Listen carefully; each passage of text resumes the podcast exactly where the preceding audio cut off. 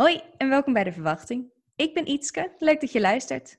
In deze podcast blikken vrouwen terug op hun ervaring met zwanger worden, zwangerschap, bevallen en de periode daarna. In elke aflevering wordt een persoonlijk verhaal verteld. Open, eerlijk en uniek, met alle highs en lows die bij deze levensfase horen. Mijn gast van vandaag is Adisti. Welkom. Dankjewel. En uh, superleuk dat jij je verhaal wil, uh, wil delen vandaag. Um, waar, waar wil jij je verhaal beginnen? Ja, waar zal ik eens beginnen? Ik denk dat het uh, leuk is om even te vertellen dat ik uh, drie kindjes heb uh, gekregen. Mijn oudste zoon Noah is net negen. mijn dochter Nina is zeven. En dan heb ik nog een zoontje Dakota. En hij wordt in augustus wordt hij, anderhalf. Nou ja, waar kan ik beginnen? Zo'n tien jaar geleden raakte ik dus voor het eerst zwanger. En uh, voor mij was dat, uh, uh, denk ik, extra bijzonder, omdat ik ehm, zelf geadopteerd ben en geen ja, voorbeeld heb van een, een, moeder om me heen. In die zin is het misschien wel heel mooi en bijzonder ook om te vertellen dat ik geadopteerd werd toen ik drie maanden oud was. toen ben ik bij een gezin terechtgekomen waarvan mijn moeder, mijn adoptiemoeder, zij gaf zwangerschapsgymnastiek. Dus ik werd eigenlijk al heel jong werd ik, uh, meegenomen in uh, zwangerschapsverhalen, dikke buiken, uh, babytjes bij ons over de vloer. Dus ik ben, ja, ik ben eigenlijk wel een beetje met de paplepel is, dat, is dat ingegoten. Um, ik was zelf als kleinkind ook heel erg geïnteresseerd in zwangerschappen. En kan me nog herinneren dat ik alle boeken uit de bibliotheek trok en dan ja, de foetus aan het tekenen was en al die weken aan het bekijken was en het allemaal heel erg bijzonder was. Dus ergens ja, heeft het moederschap mij wel altijd heel erg al geïnteresseerd. Maar dat is, op een gegeven moment is dat helemaal op de achtergrond geschoven. En naarmate ik er ouder werd, kwam ik erachter, doordat ik geadopteerd was, dat ik het heel moeilijk vond om de daadwerkelijk te verbinden in relaties. En uh, in vriendschappen ging dat heel goed, maar in intieme relaties ja, was dat heel erg, uh, erg lastig. En uh, moest ik steeds ook weer op zoek uh, naar mezelf. En naarmate ik ouder werd, kwam natuurlijk ook het vraagstuk van: wil je dan kinderen gaan krijgen? En ehm, ergens verlangde ik ontzettend naar een hele diepe ver verbindenis. En uiteindelijk denk ik dat het heel erg belangrijk is dat je eerst die verbinding met jezelf vindt en jezelf heel erg lief vindt. Voordat ik, in, voor, voor mezelf in ieder geval, voordat ik een, uh, uh, een intieme, bijzondere verbindenis aan kon gaan met iemand. Maar doordat me dat heel erg moeilijk lukte in, de, in, de, in, in mijn adolescentie eigenlijk. Um, en ik wel relaties had, maar die relaties uiteindelijk ook een stuk liepen. Dacht ik op een gegeven moment van, nou, volgens mij is dat gewoon niet voor mij weggelegd. kinderen krijgen. Stiekem verlangde ik er wel naar, maar in mijn hoofd had ik zoiets van, nou, misschien ja, kan ik dat gewoon niet. En um, ik werkte wel in de kinderopvang. Dus ik vond met kinderen samen zijn vond ik heel erg fijn. Uh, maar er was ook echt wel een diepe angst van, nou, dat, dat, dat kan ik niet. Dat is, uh, ik zou, als ik, me, als ik me niet goed kan hechten en goed kan verbinden, hoe zou ik dan een goede moeder kunnen zijn? Dus dat was heel erg een, uh, een angst en een vraag waar ik mee, mee rondliep. Ja. Heb je hulp ge uh, gevraagd om, om daaraan te werken? Ja, ja, ja, zeker. En ik denk dat ik heb zo'n boek in de, in de kast staan hier, geadopteerd zijn duurt een leven lang. En dat is echt waar. Dat is eigenlijk in elke fase van mijn leven, binnen intieme relaties, binnen vriendschappen, um, maar nu ook weer in het moederschap. Ik ben natuurlijk nu wel echt al wel een, stu een stuk verder. Maar um, um, ja, heb ik wel eigenlijk in elke fase weer opnieuw hulp gezocht om dicht bij mezelf te kunnen blijven. En uh, te onderzoeken van ja, maar wat gebeurt er nu eigenlijk met mij in uh, contact met mijn kind of in contact met mijn partner, in contact met mezelf. En uh, dat moederschap, dat nou, sowieso al wordt je een flinke spiegel voorgehouden. Ik, ik vind het echt, het, het verrijkt me enorm, maar het is ook enorm confronterend soms. En daarom wil ik straks nog wel iets meer vertellen over wat er bijvoorbeeld in mijn eerste, met mijn eerste kindje gebeurde. Ehm, maar dus ja, dus ik heb zeker hulp gezocht. Ja. ja. ja. En ehm, de, de zwangerschap, je eerste zwangerschap, was een verrassing, begreep ik. Ja, ja, dat was een verrassing. Ik, ik was, was ik 30, 29 of 30. En ik kwam daarvoor uit een wat langere relatie. En ik was voor het eerst gestopt met de anticonceptiepil. Echt vanaf mijn 14e tot aan mijn, nou wat is het, 28 of zo aan de pil gezeten. En ik had dat ding eruit gegooid. En dat was zo'n ongelofelijke verademing. Ik voelde, ik had eindelijk het gevoel dat ik weer een beetje leefde of zo. En uh, ik merkte dat het hormonaal gezien van alles uh, veranderde. Ik voelde me fitter en fijner. En toen ontmoette ik Maurice. Maurice is de vader van mijn eerste twee kindjes. eigenlijk vier. Ik heb nog twee miskramen gehad. Eigenlijk tellen, ze, tellen ze helemaal mee. En toen ik hem ontmoette, vond ik het echt een super leuke en, uh, en vrolijke, lieve man. Waar ik me meteen bij op mijn gemak voelde. En wat heel bijzonder was, was dat hij ook geadopteerd was. Is eigenlijk. Ja, dat, dat was heel bijzonder. Want ik, kende, ik kende wel geadopteerden natuurlijk, maar niet iemand waar ik, uh, waar ik een relatie mee, uh, mee aan zou gaan of wilde gaan. Aanvankelijk begon onze relatie eigenlijk best wel rustig. En eerst een paar keer gedate en dat was heel erg gezellig. En nou ja, op een gegeven moment kwam van het een kwam het ander. En, maar ik had wel gezegd, ik, ja, ik wil gewoon niet meer aan die anticonceptiepil. Want op een gegeven moment ga je het daar natuurlijk met elkaar over hebben. En toen zei hij oké. En ja, daar, dat is ja, Weet je, het is de, de, de mooiste verrassing die ik kon, kon hebben. Maar het was natuurlijk ook een beetje suffig. Ik ging dus voor het eerst, ik ging niet temperaturen, maar ik hield wel mijn cyclus helemaal bij. Dus ik zorgde ervoor, het was de eerste keer van, nou weet je, ik ga kijken wanneer ik dan vruchtbaar ben. Dan kunnen we in die week niet vrijen. En ik dacht dat ik dat helemaal zorgvuldig bedacht had. Nou ja, op een bepaald moment, en dat was dus na drie maanden, toen we elkaar drie maanden kennen, en eigenlijk nog volop in die datingfase zaten werd ik niet ongesteld. En ik wist het ergens al meteen. Ik merkte dat mijn borsten uh, harder werden en dat ik, dat ik gevoeliger waren, laat ik het zo zeggen.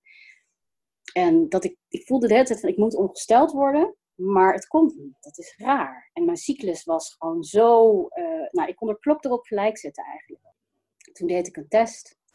En ja, het was zo klaar als een klontje. Toen, was ik, uh, toen bleek ik te zwanger. Ja. En volgens mij heb ik een, uh, wel een uur naar dat staafje zitten staren. Zo, wat? Wat? Zwanger, zwanger. Ik, ik kon het niet, niet beseffen eigenlijk, niet bevatten dat er een, nou, een klompje cellen zeg maar, uh, zich aan het verdelen was in mijn lijf. En dat daar dan een kindje uit zou komen. Ik, ik was helemaal, uh, ik, ik, voelde van alles. Het was, het was euforie, het was angst op een gegeven moment ook. Dat ik dacht, wow.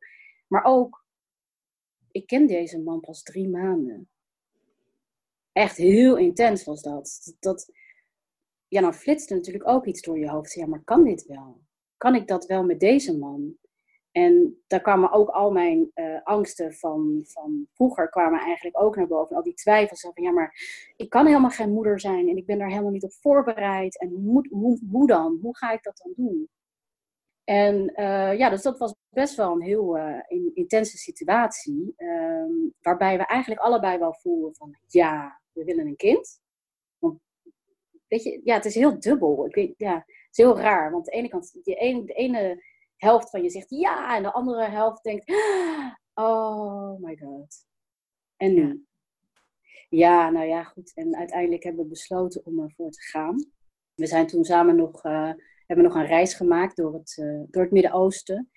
Uh, dat was ook heel goed voor ons, om echt een maand lang samen te zijn en volmondig ja te zeggen op, op ons kindje. Alleen wat er op een gegeven moment ja, ontstond, en dat was natuurlijk heel erg lastig, is dat ik, ja, we kenden elkaar niet zo heel erg goed. Ik vond hem heel erg leuk, maar ik was niet verliefd op hem. Maar we hadden wel besloten ook om het kindje samen te, te houden en voor ons gezin te kiezen hoe dat er dan ook maar uit zou zien. Dus dat was heel erg, uh, heel erg uh, ja, ambivalent eigenlijk allemaal. Enerzijds was het heel erg bijzonder om zwanger te zijn. En anderzijds wist ik ook, ja, ik ga heel erg mijn best doen om dit te laten slagen. Met ergens diep van binnen het gevoel van, ja, maar dit is waarschijnlijk niet de man waar ik de rest van mijn leven mee samen ga zijn. Ook al vind ik hem heel erg lief en heel erg leuk. Maar toch ga je je best doen. Ja, spannend. Ja, ja. ja zeker. Ja, en mooi om toch te beslissen van we gaan het samen doen. En uh, we zijn dan samen toch ouders, hoe het ook loopt. Toch de ouders van het kindje. Zeker. Ja. ja, nee, absoluut. En hoe verliep de zwangerschap? Ik kan me herinneren dat ik de eerste maanden echt dood en doodmoe was. Echt zo moe. Volgens mij ben ik nog nooit zo moe geweest. Ik bedoel, nu weet ik wel beter na drie kinderen wat moeheid betekent. Maar op dat moment, uh, ja, je lijf neemt het gewoon over. Ik was zo moe. Ja, maar ik had volgens mij wel een hele. Ik moet even goed terugdenken, hè, want het is echt al zo lang geleden. Goede zwangerschap. Ehm, en ik merkte ook dat ik eigenlijk heel direct wist wat ik wilde. Ik wilde heel erg gezond zijn. Ik ging uh, naar zwangerschapsyoga. En die zwangerschapsyoga waar ik terecht kwam, uh, dat was een hele zachte Kashmir yoga was dat. Dat heeft ook eigenlijk de, de, de toon gezet van mijn, van mijn zwangerschap en mijn latere werk eigenlijk. Uh, ik vond dat zo'n mooi werk. Uh, ik ben yoga gaan doen en eigenlijk instinctief wist ik dat ik heel gezond moest leven, goed voor mezelf moest zorgen. Ehm, ik werkte in de kinderopvang en ik, ehm, ik ben daar wel, denk ik, wel echt nog wel over mijn grenzen heen, uh, heen gegaan met werken. Uh, ook omdat ik nog niet precies wist wat ik nou wel en niet kon doen uh, met mijn lijf. Ja, maar overal had ik een hele goede zwangerschap. En ik was ehm, heel erg uh, trots op mijn buik. Um, en het was echt mijn buik dat alleen maar zo groeide, weet je wel. Het was echt, uh, ja, het was heel, ja. Uh, heel erg bijzonder. Heerlijk. ja, het was ja. echt heel mooi. En hoe dacht je nou over de bevalling? Ja, eigenlijk ook heel erg natuurlijk. Ik wist precies wat ik wilde. Ik wilde, ik wilde in bad bevallen, ik wilde thuis bevallen zonder uh, medicatie, dus eigenlijk zo, zo natuurlijk mogelijk. Terwijl ik het nog nergens op gebaseerd had eigenlijk. Want ik had nog helemaal geen vriendinnen die, uh, die kinderen hadden gekregen. Ja, eentje geloof ik. Nou, achteraf gezien, als ik naar mijn proces kijk nu, hè, zoveel jaren later, dan ben ik daar natuurlijk helemaal ingedoken. Maar daar wist ik instinctief al van, hé, hey, maar ik wil alles op zo natuurlijk zo natuurlijk mogelijke manier. En ik wil mijn kindje heel zacht ter wereld laten komen. En dat had natuurlijk alles te maken met het feit dat ik zelf um, geadopteerd ben, uh, ter wereld gekomen ben en afgestaan werd en in een kinderthuis terecht kwam. Drie maanden lang. Dus um, voor mij was het zo belangrijk dat mijn kindje zich goed aan mij kon hechten. En uh, dat we ja, echt samen konden zijn. Um, dus ik las alles wat, uh, wat los en vast zat. Ik ging naar cursussen, naar workshops. Um, nou ja, ik ging dus naar yoga, naar hypno. Nee, het was nog, toen nog geen hypnobirthing, maar wel um, uh, hypnose voor de bevalling, geloof ik. haptonomie ging ik naar. Ik weet niet, ik, ik, ik deed echt van alles om maar kennis te vergaren en zo dicht mogelijk bij die zwangerschap te zijn ik kan me nog herinneren dat ik ook heel veel tegen hem praatte. Uh, toen hij in mijn buik zat. Uh, omdat ik er instinctief heel erg bewust van was dat mijn kindje alles uh, voelde wat ik voelde.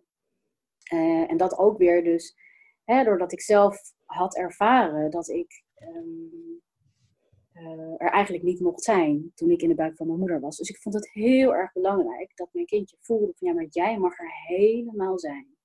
Je bent zo welkom had een hele fijne uh, verloskundige praktijk uh, gevonden. Nou, ook daarin ben ik natuurlijk heel erg uh, gegroeid in de afgelopen zwangerschappen. Maar hele fijne verloskundige. En, en, mijn lievelingsverloskundige was er ook bij tijdens de bevalling. Dus dat was helemaal ja, fijn. Super. Ja, dus volgens mij hadden we ons redelijk goed voorbereid al uh, heb je geen idee wat er gaat komen op het moment dat je daadwerkelijk gaat bevallen en het is je allereerste keer. Ja. Um, ik, ja, dan is het nog steeds over, overweldigend. Dus dat, ja. Uh, Ja, absoluut. Ja. En wat waren de eerste tekenen dat, uh, dat de bevalling stond te beginnen? Nou, de eer, het, was, het kon eigenlijk niet duidelijker, want mijn vliezen braken midden in de nacht. En we hadden volgens mij net, want hij is geboren met, op 5 mei, dat was echt mijn bevrijdingsdag was het. Uh, met 37, of nee, 38 weken, 38,4 geloof ik. Dus ja, ook dat had ik nog niet bedacht. Hè. Ik dacht van nou, ik heb nog zeker twee of drie weken voordat hij komt. Ja, en de vliezen braken midden in de nacht. We hadden net die avond daarvoor hadden we dat, dat matje zo onder, of dat zuiltje zo onder het, onder het matras gelegd, of onder mijn hoeslaken gelegd. En ik wist niet wat me overkwam. Ik wist wel dat het een van de tekenen zou kunnen zijn. Maar het stroomde echt uit me. En ik, ik, ik weet nog dat ik, dat ik uh, tegen Maurice wakker maakte en zei: ah, mijn, uh, mijn water is gebroken, mijn vliezen zijn gebroken, ik, ik stroom helemaal leeg. Ik wist nog helemaal niks over, over hoe dat vruchtwater werkte. Dus ik dacht: oh, maar als het leeg blijft lopen, dan zit hij straks vacuüm. Hoe moet dat nou? Zonder te weten dat dat vruchtwater zich gewoon ververst. Wist ik veel. Dus wij belden midden in de nacht, belden we toch de verloskundige. Maar wij vonden het zo spannend en we waren, waren eigenlijk uh, in een soort van lachbui beland. Omdat we gewoon heel, zenuw, heel zenuwachtig waren. En uh, ik weet nog dat we de spoeddienst belden. Ook niet zo handig natuurlijk, want het was helemaal geen spoed. Maar toch dachten we, we moeten bellen. En uh, ja, toen nam de verloskundige nam op. Maar wij moesten dus eerst heel hard lachen. Dus die verloskundige die zat midden in een baring. ja, wat is er? Dus to the point, alsjeblieft. Ja, to the point. Heel anders. Ik zei, oh, sorry, sorry, maar mijn vliezen zijn gebroken en we zijn heel zenuwachtig en wat moeten we doen? Nou, kijk vooral even of er geen uh, meconium in het water zit. Uh, ben jij oké? Dan uh, ga lekker slapen, dan bellen we morgenochtend. Nou, van slapen kwam natuurlijk niet zoveel meer. En uh, omdat het week 37 was, uh, had ik het bedje nog niet opgemaakt. En het huis was nog niet op orde. We hadden wel al het bad in huis. En dat heb je vanaf week 37, gelukkig. Dus, uh, maar Maurice die, die moest midden in de nacht stofzuigen van mij. En het bedje opmaken. Dat moest. Anders kon ik echt niet slapen. Niet dat ik geslapen heb, maar ja, dat, dus hij is heel braaf gaan, gaan stofzuigen. En en de volgende dag is hij nog gewoon naar zijn werk gegaan en ik ben uh, in bed gebleven. Um, en er kwamen eigenlijk nog geen, geen weeën. Ik had um, uh, van tevoren had ik uh, acupunctuur gedaan bij een vriend van mij. Um, dat heb ik trouwens bij alle drie de zwangerschappen gedaan. Dat vond ik echt heel erg fijn. En dus ik had met hem ook afgesproken dat hij stand-by zou staan om eventueel acupunctuur uh, toe te dienen als, als uh, pijnstiller. Als een natuurlijke pijnstiller. maar hij kon ook komen om de, om de weeën te laten doorzetten. Dus overdag ben ik nog even naar het ziekenhuis gegaan. Achteraf dacht ik van, oeh, ik was natuurlijk wel, mijn vliezen waren gebroken. Maar de verloskundige hadden gevraagd of ik even langs wilde komen om te kijken of, of, het, of het daadwerkelijk vruchtwater was en of alles oké was. Dus dat heb ik gedaan. Daarna ging ik weer naar huis. En toen ik in het ziekenhuis was, besefte ik eigenlijk pas van jeetje, ik ga gewoon een kind krijgen. Ongelooflijk. Dat is zo. En ineens valt, valt dat zo in of zo. Dat is heel, heel bizar. Nou goed, en toen kwam uh, Joep, de acupuncturist, die kwam uh, om vijf uur. En ik mocht lekker relaxed op bed gaan liggen. En die had zo zijn naaldjes, acupunctuurnaaltjes gezet. En ik ben eh, heel gevoelig voor eh, alles wat er met mijn lijf eh, gebeurt. Dus ik, ehm, ehm, ja, ik reageerde daar eigenlijk heel snel op. Dus na een half uur begonnen de weeën. En ehm, ja, het begon eigenlijk heel langzaam. Heel rustig aan. Dus ik kon het eigenlijk heel goed opvangen. ik heb eigenlijk nou, ik heb bijna alleen maar op bed gelegen met uh, uh, mijn voedingskussen zo helemaal zo in mijn armen geklemd. En elke keer als er een week kwam, uh, ja, greep ik het kussen vast, ademde ik. En ja, dat ging eigenlijk heel natuurlijk. Ik, ja, was, ik wil niet zeggen dat het nou per se heel fijn was. Ik vond het ook niet heel ja, ik vond het heel bijzonder eigenlijk. Omdat, en het besef dus dat, dat mijn kind eraan kwam ja, dat maakte het allemaal extra, spannend. En, ehm, en uiteindelijk ben ik in, in bad bevallen. Ehm, het heeft volgens mij zes uur geduurd. Dus het was voor een eerste kindje een hele snelle bevalling. Alleen die, die persfase, die heeft wel twee uur geduurd. Die was echt op het randje. Ehm, en het bleek ook dat Noah echt wel op een gegeven moment uh, ja, echt wel moest gaan komen. Um, ik ben in bad bevallen. Um, ik, had, ik heb de eerste fase van de persfase heb ik nog op, uh, op de baarkruk gezeten. En het gekke is dat ik niet zo goed weet, want ik had volgens mij heel erg in mijn bevalplan wel gezet van ik, ja, ik wil in bad bevallen. Hoe ik nou op die baarkruk terecht was gekomen.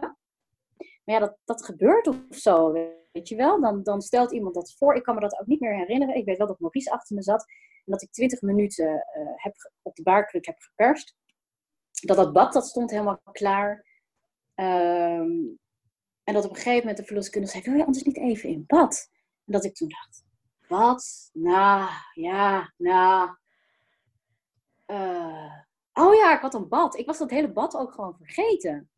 En ik ben zo blij dat wie dat ook dat maar tegen mij zei: van ga lekker in bad. Dus toen ben ik uiteindelijk in bad. En ik, oh ja, ik dacht ook nog van: oh ja, ik heb daar uh, eh, 300 euro voor betaald. Ik moet in bad. Zoiets dacht ik volgens mij in een flits nog. En uh, nou, uiteindelijk is, uh, is Noah in bad geboren. Maar nog wel in een houding. Nou ja, dat is dan de eerste bevalling. dat ik dat dat ik een beetje in het water dreef op mijn rug, zeg maar. Dus Noah is wel in het bad geboren, maar eigenlijk niet onder water. En uh, dat had ik ons heel erg uh, gegund, zeg maar. Maar ja, weet je, nou ja, dat, dat gebeurt dan eigenlijk gewoon in de heat of the moment. En uh, toen was ik ineens moeder van een eerste kindje. Hij was heel klein. Hij was echt uh, 23, 23, 20 of zo. Heel klein. Achteraf gezien zeiden ze van ja, maar je had in het ziekenhuis moeten bevallen. Maar hij was echt gewoon helemaal gezond. En um, ja, en ik weet nog dat ik hem op mijn borst had en ik kon hem niet zien. Hij was heel glibberig natuurlijk en warm en klein. Ik had nog nooit zo'n klein wetentje vastgehouden. En ik riep alleen maar, oh, wat ben je mooi, wat ben je mooi, wat ben je mooi. Maar ik kon hem helemaal niet zien. dus op een gegeven moment riep ik, kan hem niet zien. Dus toen haalden ze een spiegel erbij. En uh, ja, toen kon ik hem dus, zeg maar, in die spiegel kon ik hem zien. En uh, ik had altijd een beeld van als vrouwen dan bevallen zijn, hoe sta je daarna dan op? Dan kan je daarna toch niet meer lopen. Maar uh, toen hij onderzocht werd, ehm, toen stond ik dus gewoon uh, op uit dat bad, richting het bed, om ook nog de placenta geboren te laten worden. Uh, ik had inderdaad in mijn hele natuurlijke eh, bevallingsproces, na de bevalling toe, had ik ook bedacht dat ik heel graag een lotusgeboorte wilde. Maar dat zag mijn ex niet zo zitten. Die zei nee, ja, bah, placenta. Dus dat heb ik toen gelaten. dat is met mijn derde wel gelukt. Um, dus dat heb ik toen gelaten.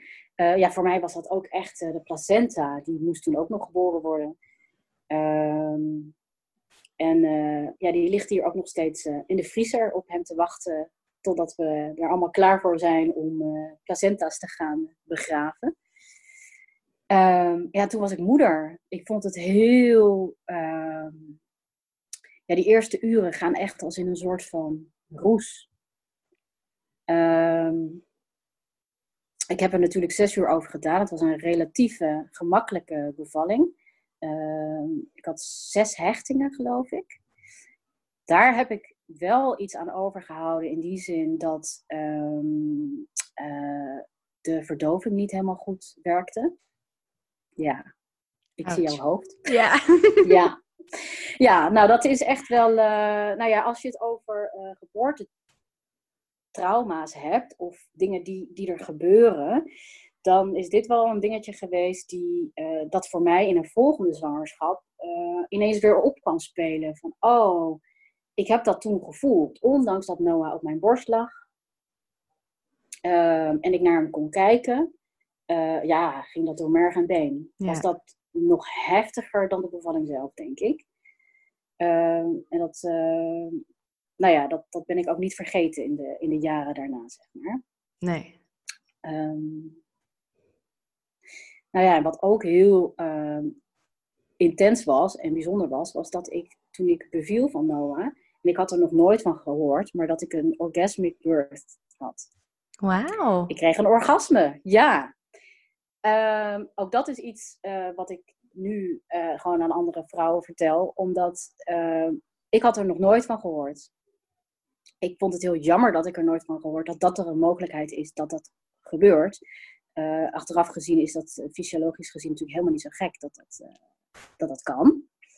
Maar doordat ik het niet wist dat het bestond, um, heb ik dat heel erg stom gevonden van mezelf. Dus ik vertelde dat ook later aan Maurice. En uh, nou, ik kreeg een orgasme toen, toen uh, um, Noah geboren werd op dat moment. En zeiden, ja hoor, dat heb jij weer. Weet je wel, zoiets. Dus dat hebben we een beetje weggelachen. Oh ja, ja, nou, dat heb ik weer. Dat ook wel weer, uh, nou ja, het zal wel. Maar daardoor had ik, heb ik heel lang het gevoel gehad dat ik gewoon hartstikke gek was. Nou ja, weet je, en dat ga je ook niet aan andere vrouwen vertellen. Nee. Um, totdat ik uh, op een gegeven moment bij Mirjam, mijn collega, uh, uh, op de massagetafel lag, bij de tweede.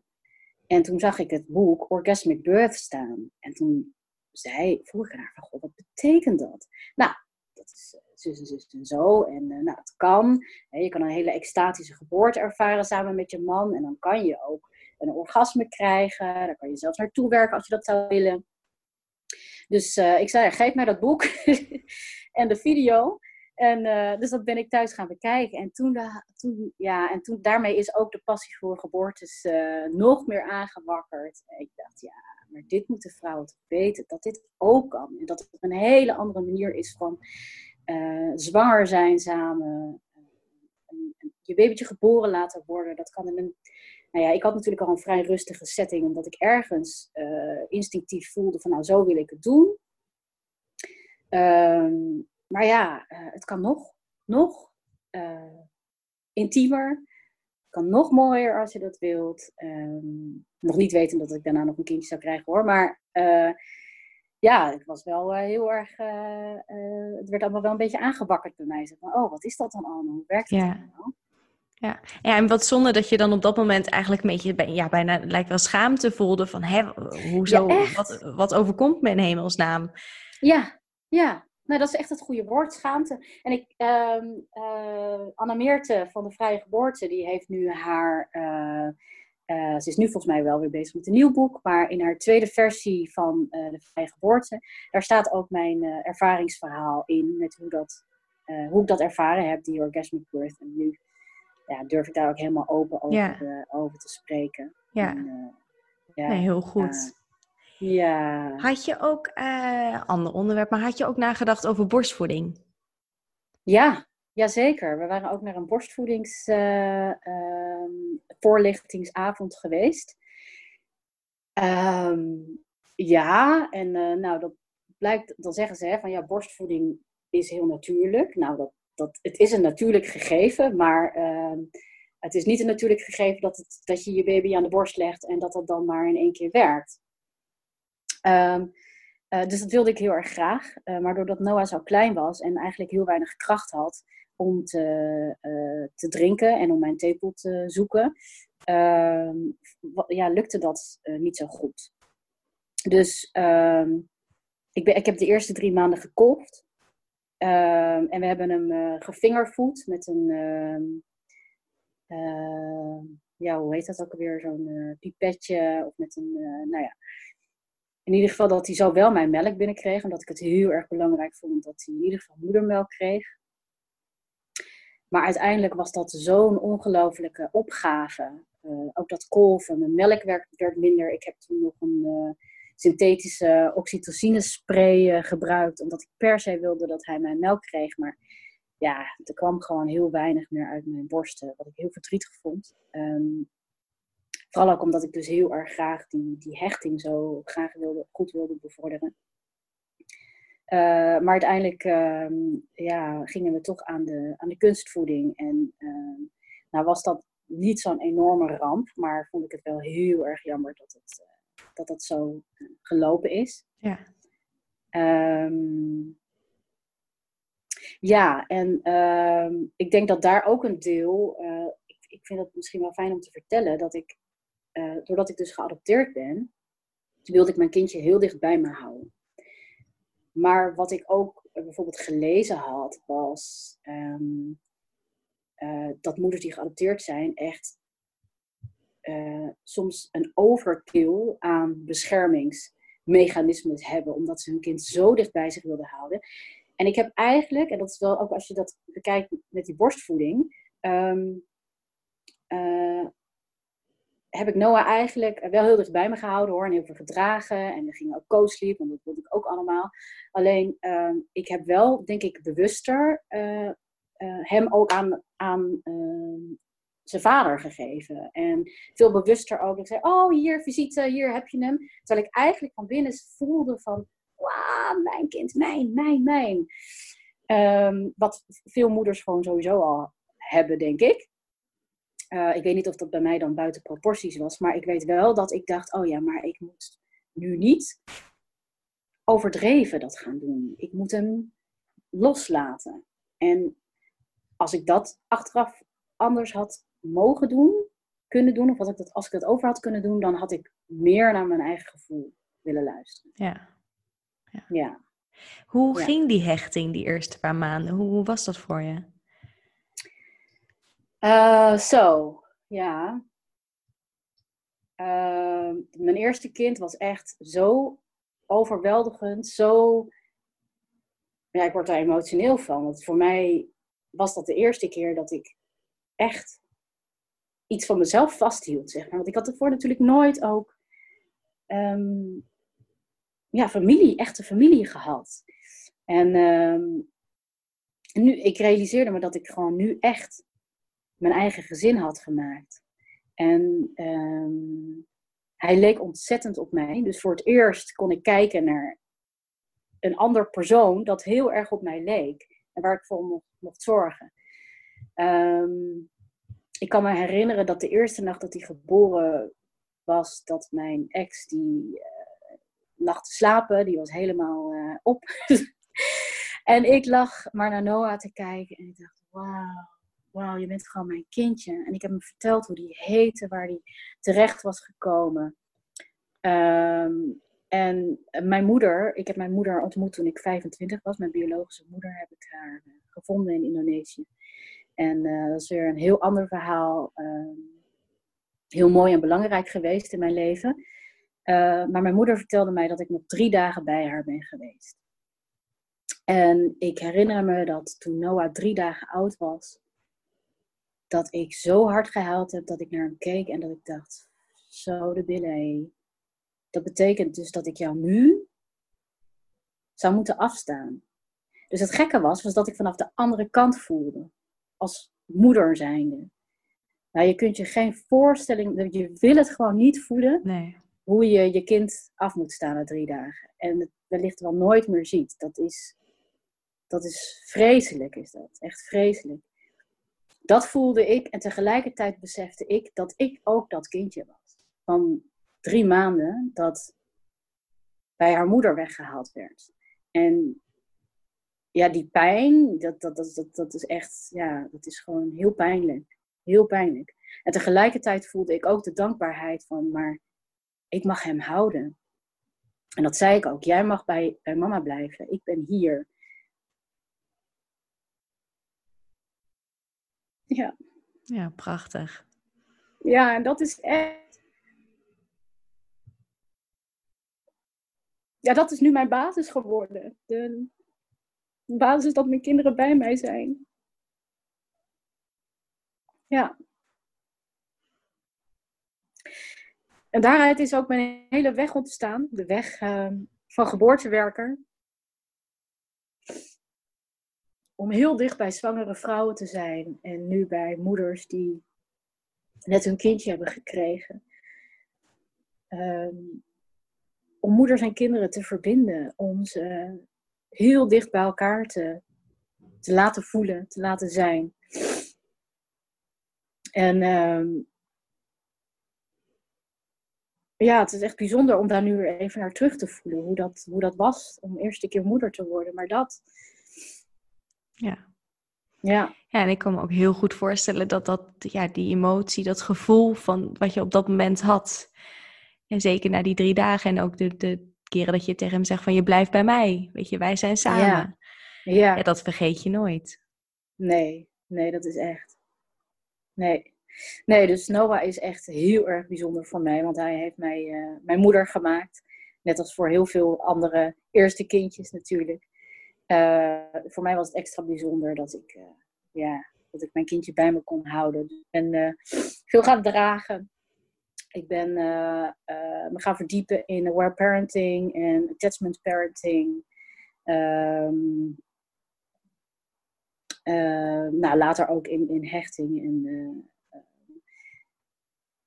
ja, een hele bijzondere reis is dat eigenlijk. Eigenlijk door het krijgen van, van mijn eerste, eerste kindje. Ehm, ja, dus dat was eigenlijk die eerste, eerste drie maanden. Even naast dat, het, dat ik me heel erg dankbaar voelde was er ook nog, en dat vind ik zo uh, bizar aan het ouderschap, aan het moederschap, is die ambivalentie van, wow, ik heb een kind. Ik ben er ontzettend verantwoordelijk voor en wat hou ik van hem, maar, oh, maar wie ben ik dan nu eigenlijk? Ook alweer. En uh, bij een eerste kindje merkte ik ook dat bijvoorbeeld, uh, er stond in diezelfde avond nadat ik bevallen was, stond er een uh, gezin met vier kinderen aan mijn bed. Weet je wel, als ik daar nu aan terugdenk, dan denk ik, oh, waarom heb ik dat gedaan? Waarom heb ik ja gezegd? En al die visite die kwam, en je bent natuurlijk heel erg trots en, en, uitgeput en moe en verborgen voor hormonen. Uh, uh, maar ik liet dat allemaal toe, omdat ik dacht dat het zo hoorde. Weet je wel, iedereen beschrijft met muisjes. En uh, nou ja, hè, het hele rattenplan. Achteraf gezien dacht ik, ja, had ook best wel een paar weken later gekund. Um, maar ja, ja, je weet niet beter met een eerste kindje. Nee.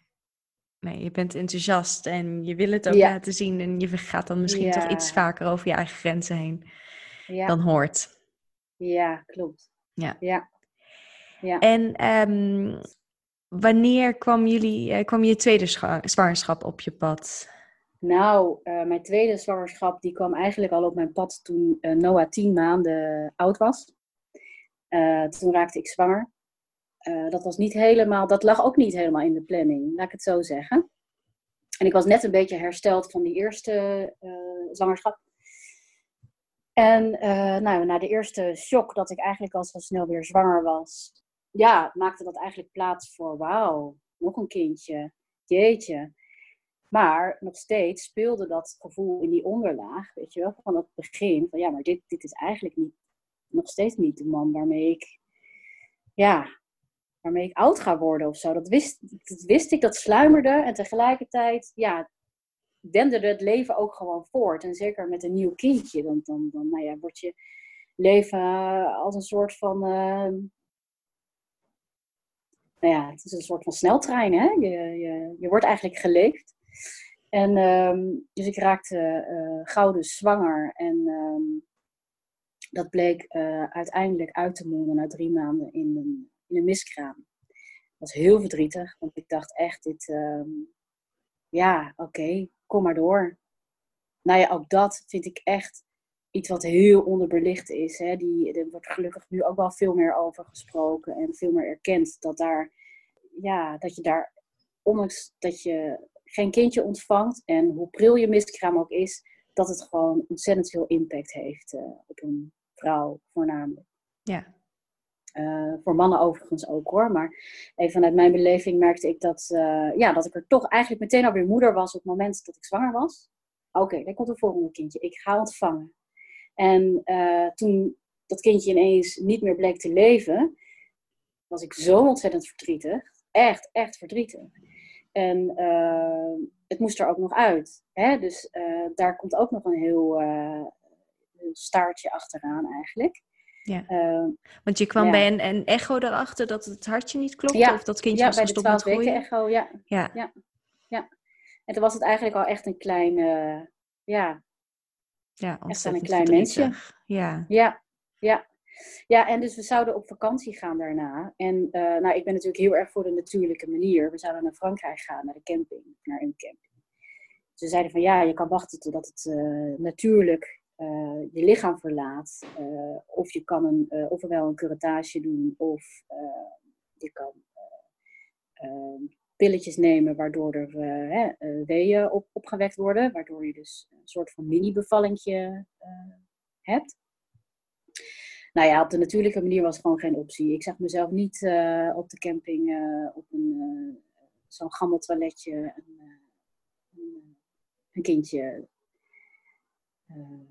baren, zeg maar. Of baren. Het is, het is niet echt een echte baring natuurlijk, maar het is wel, nou ja, eigenlijk wel. Alleen mini-mini, in het ja. mini. Dus toen hebben we besloten om die week daarvoor dat te gaan doen. Nou, dat is heel intens heel, uh, heel verdrietig is dat. En op een of andere manier heb ik het gevoel dat het een meisje uh, was. En uh, op het moment dat het geboren was, heb ik het in een, in een plantje, in een plantenpotje gestopt. Die had ik speciaal gekocht, zodat ze bij ons in huis kon staan. Ik heb haar ook Sophie genoemd. Ik vond ook dat ze er gewoon helemaal bij moest horen. Um, omdat ze voor mijn gevoel gewoon al bestond. En uh, zo is mijn, mijn praktijk ook ontstaan, yoga en zo, van Sophie. Omdat ik haar echt een prominente plek ook wilde geven in, in, het bestaan eigenlijk. Ja. Dus dat was eigenlijk de tweede keer. En het gekke was dat ik daarna dacht, ja, maar nu wil ik nog een kind. Het gevoel was zo aangewakkerd. En uh, het verdriet, weet je wel, van het, het verliezen van een kindje, uh, het leven dat daarna weer doorging. Dus toen heb ik dat ook met Maurice gesproken van, goh, wat zullen we doen? Uh, zouden, zullen we toch nog, dan nog een kindje samen, uh, kijken of we samen nog een kindje kunnen krijgen. Ja, dat lukte eigenlijk volgens mij na twee, drie maanden vrijwel direct. Toen was ik meteen weer zwanger. Dat ging bij ons zo. Of bij mij gaat dat zo, blijkbaar. En uh, toen was ik zwanger, heel pril. En toen kreeg ik weer een miskraam. Ja, dat dacht ik. Dat is dus het bizarre van het verhaal. Ik uh, had heel hevig bloed. En achteraf gezien, nou, er kwamen ook wat stolsels en zo mee. Dus ik heb toen ook de verloskundige praktijk gebeld. Van, nou, weet je, ik was zwanger. Volgens mij heb ik een miskraam gekregen. Minder verdrietig dan de eerste. Of de eerste miskraam merkte ik. Maar ja, er speelde ook nog steeds het hele sluimerende gevoel van oké, misschien is dit wel het teken dat dit, nou ja, dat dit gewoon zo moet zijn. Um, ik speelde ondertussen met de gedachte om een einde aan onze relatie te maken, omdat ik uh, niet voor me zag dat ik uh, de rest van mijn leven dus met Maurice door zou brengen. Maar ik vond dat een hele moeilijke en pijnlijke gedachte. Want ik dacht dan, hoe dan? Met een kindje. En...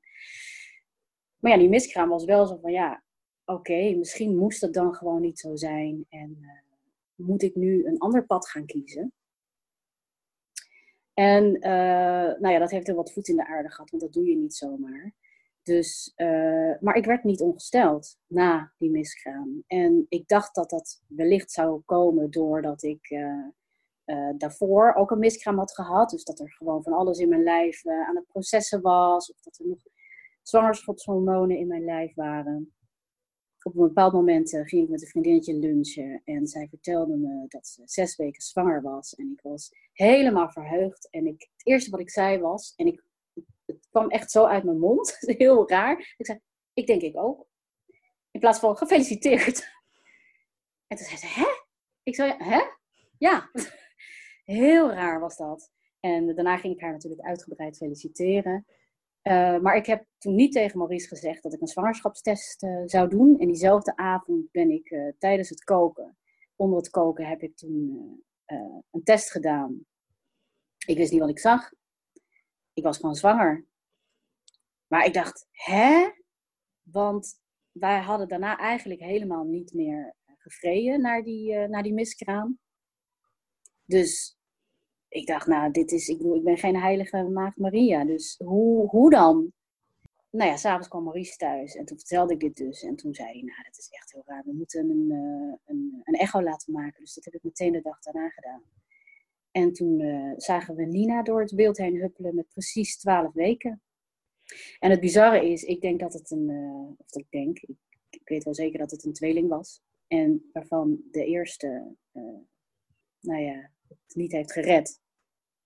En Nina nog heel gezellig in mijn buik is gebleven zonder dat ik wist dat ze er was. Ja. En dus dat was een, een shock. Ja. een enorme shock. Ja. En um, misschien nog wel erger dan, uh, of erger, uh, heviger dan uh, de eerste, dan Noah. Dat Ja. was, ja. En hoe voelde het? Nu achteraf? Ja, hoe voelde nou ja, dat? oh, nou, hoe voelde het om weer zwanger te zijn? Om, om eh, ik denk, eh, zowel na de miskramen weer eh, zwanger te zijn. Ja. eh, en ook gewoon zwanger te zijn van het tweede kindje wat er echt gaat komen. Ja, zo, dat was. ehm, nou, dat was eh, eh, ook weer heel ambivalent. Want ik vond het fantastisch dat, ik, eh, dat er weer een kindje in mijn buik zat.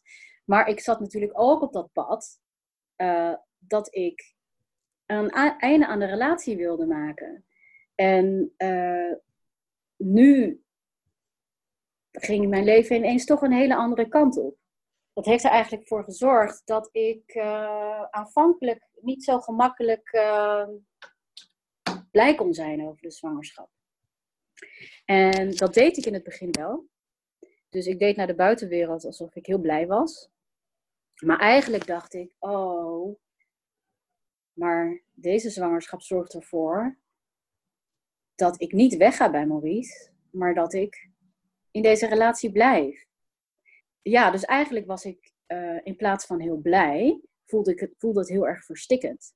En dat heeft denk ik eh, een, een trimester lang geduurd, waardoor ik eigenlijk niet kon genieten van de zwangerschap. Ik wel deed alsof.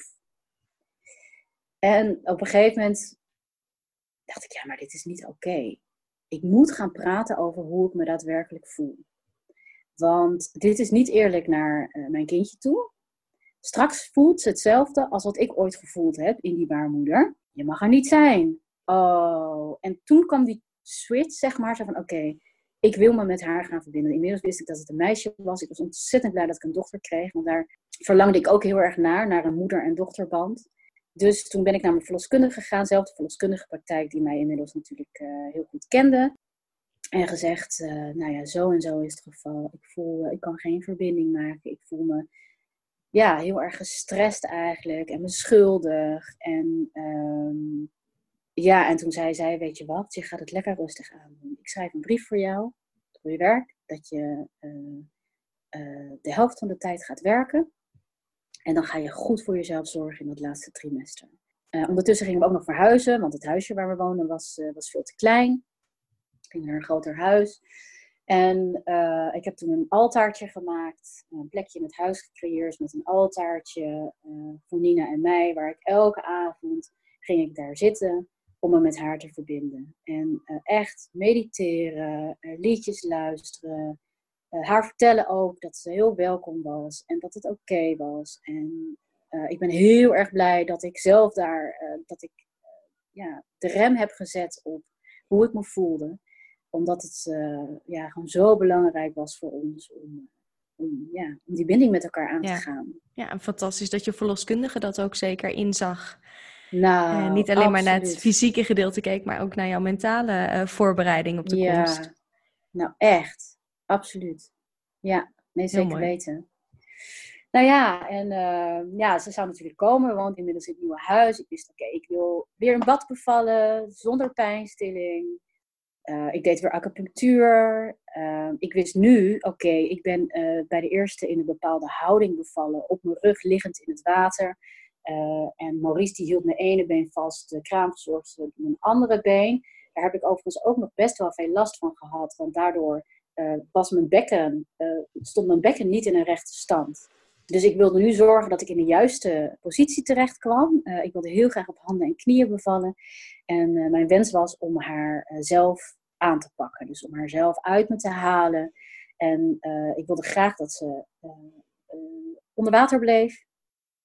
Dat is gelukt, dus dat is heel fijn.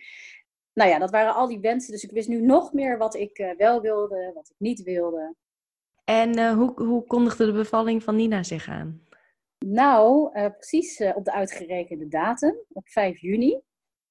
40 weken. Dat was natuurlijk heel raar, want de eerste was, uh, Noah kwam natuurlijk met 38 weken. Dus ik, toen de 38 weken verstreken waren, toen dacht ik echt, waarom is ze er nog niet? dat is heel gek, want je hebt toch dat referentiekader.